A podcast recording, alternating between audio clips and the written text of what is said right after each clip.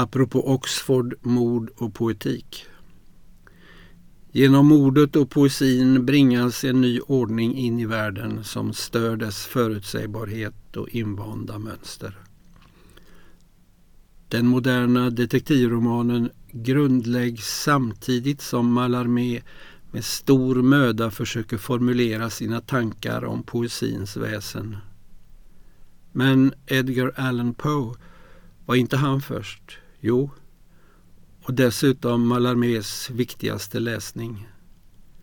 Mallarmés tro på det absoluta i poesin menade Roberto Calasso som för ett par år sedan just i Oxford föreläste över detta ämne är släkt med den gamla vediska uppfattningen. Vers är de dödliga gudarnas tal.